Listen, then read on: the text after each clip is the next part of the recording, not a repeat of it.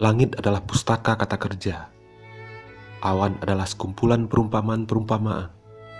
Keduanya berpagut dalam tulisan-tulisan, melebatkan hujan-hujan, runtuh di ranjang para sastrawan. Senja adalah sang pencemburu yang ahli. Aku sudah mencintai kau jauh sebelum senja menyebut warna pipimu sebagai kata ganti bagi dirinya sendiri.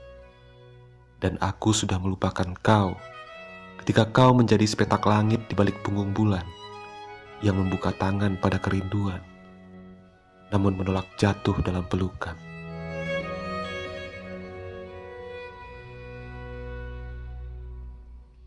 Hujan adalah karnaval. Di suatu hari, aku dan kau menjadi sepasang anak kecil menyalakan lilin dari mimpi kita yang kian terpencil. Kau kemudian menukarkan hatimu untuk langit yang cerah. Hujan mengakhiri pertunjukan dalam pakaian kita yang basah.